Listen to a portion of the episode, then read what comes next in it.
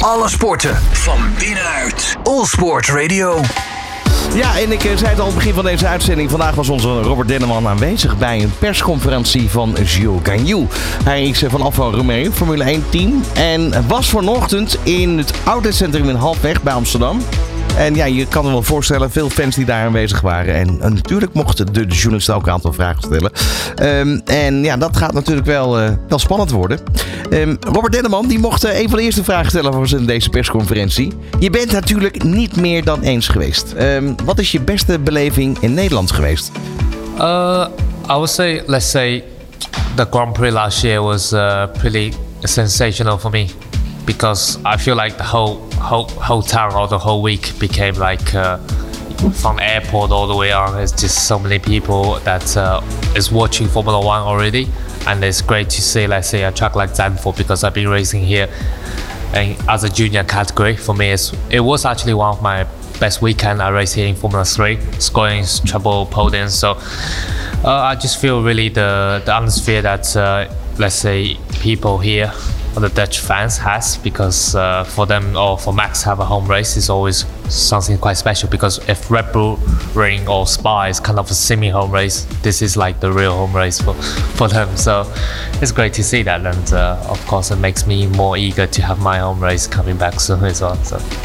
Hoe belangrijk is karten in de carrière van autocoureur? It's really important. It's this it's a perfect way for everyone to be making sure learning how to fight together with all the young young talent in the same age. And uh, for me, karting days is quite intense battle because every lap into the last corner, you don't know who can be. You can be first or actually tenth within one corner with so much battle going on. So it's good for a young driver mentality or also the mental side to be learning to be growing as a kid. And uh, it's definitely important because you can learn also different conditions you know raining uh, cloudy and very sunny tracks. So it's it's very let's say a, a, a skip le- uh, step of your career that you have to go through. Wie is momenteel je grootste concurrent? I would say at the moment obviously I would say Valtteri because uh, Formula One is a very complicated world with uh, so many things you really have to get over, you know, get on top of. So for me, like the first year I arrived to Formula One, I know how intense it's, you know, against your teammate because people, let's say, based on your results comparing inside the team because obviously the car is so different team by team. So, but with Valtteri, he really was willing to help me as much as he could in my rookie season. That's really just make make me a massive like say improvements in a short time. And uh, we, we're really working together and it's very transparent uh, inside the team. So we're not hiding any information. So we're clear with the data information between both sides of the team. So that really just put me a much let's say better place to be. And also the the trust I have with him on track. I know when we battle we can battle hard but we're not going push each other off to the track, you know, to the absolute limit. But we're pushing, let's say, in the team to making sure we can get on top. So I, I would say he was definitely the most important one. The rest of the teammates being some great teammates as well, but we always try to beat them as much as we could to be arrive to Formula One, which is the realistic. But yeah.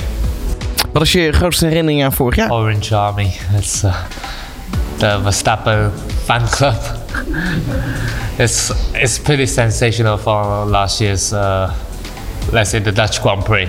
You know, it's uh, it's crowded and it's just orange smoke every session before the the start of the session. But yeah, the the track is really nice because for me, last time I drove before last year was a Formula 3 car. So I really feel the difference between how crazy this Formula One car is and uh, in this track also first time I experienced this massive banking into turn uh, turn three. So for me, that's uh, really nice to experience that how much the cars can really help by the banking, the line difference, because it's the first time you have a corner like that. I see last time some corner like that was back in the days in Monza, the old layout. So that's pretty impressive track. Als je hetzelfde materiaal zou hebben als uh, Max Verstappen, waar zou je dan op dit moment staan in het kampioenschap? Second.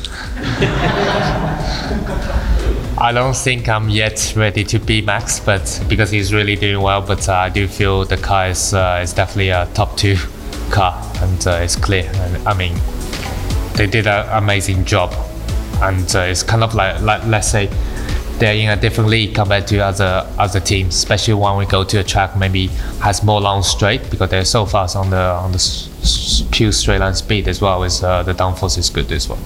Er wordt van eh, Zandvoort gezegd dat het een baan is met weinig inhaalmogelijkheden. Wat vind jij van de baan en is die kritiek terecht? I think it's uh, it's kind of the layout since uh, very old days, you know, and uh, definitely the last corner made it extended longer and have the DRS open already halfway through the kink. It's helping for, for overtake if you have a tire advantage. But uh, nevertheless, it's one of these tracks that, uh, let's say, Saturday is more important than Sunday because you have to stay, uh, stay or start it uh, further up to making sure you can score some good points.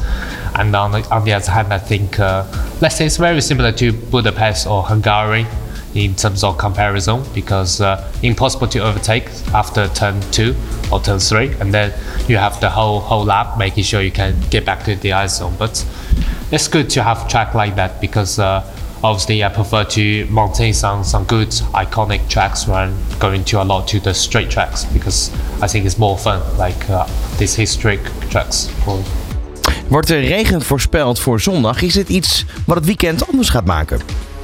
I mean, uh, from my side, uh, it, it's not really important the weather, but uh, I'm actually thankfully not a let's say big afraid of rain because I had some good memories last year in the rain, and uh, yeah, I feel like uh, the rain obviously improved the opportunities for, for the teams maybe like us, you know, a bit more further down. Maybe we can have a great setup that uh, can help us going forward. But I do feel like, let's say, the track layout in Zandvoort is actually not too bad for our car because it's a high downforce track with so many high speed corners, which we seems to be working reasonably well uh, two race weekend ago.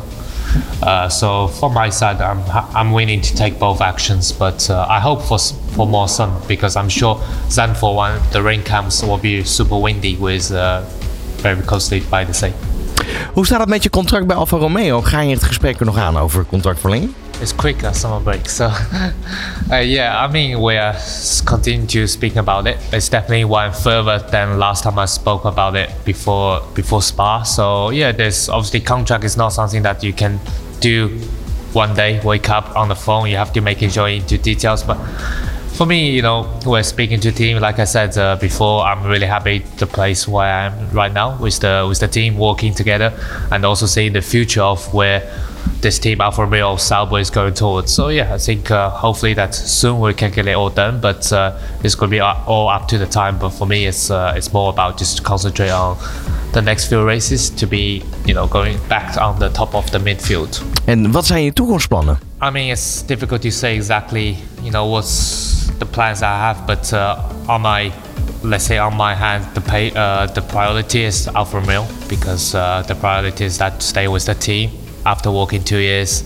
Also with Sauber, you know, still in the team, I really felt the relationship together. Also, the atmosphere is really positive and also a really happy place for me to be. So, for me, yeah, that's definitely on priority, and uh, we have to see if everything or something maybe don't go right and we have other plans but uh, at the moment i think i'm just concentrate to making sure that uh, everyone is happy here with what i'm doing for the team and also my improvements uh, for the coming races and uh, we can get everything like sorted and uh, making sure have a happy let's say future together with with the same people Ja, Nederland is de Orange Army van eh, Max Verstappen. Eh, En vandaag sta jij in de spotlights. Wat vind je het leukste aan eh, dit soort sponsor-events en meet and greets met fans?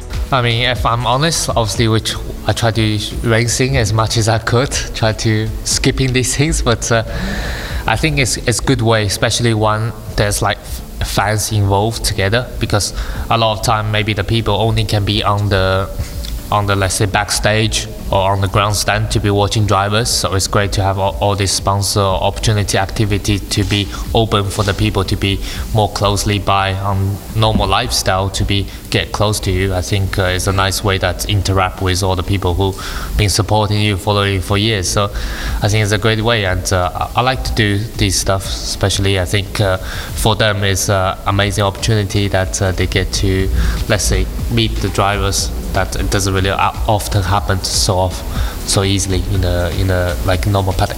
Thank you. 谢谢。Al dus Zhou Gangyu vanmorgen in het Outlet Center in eh, Amsterdam. Halfweg eh, bij de Outlet Store overigens van Puma. En dat was natuurlijk een sponsor. De meet and greet die daar plaatsvond. Tot zover. Alle sporten van binnenuit. All Sport Radio.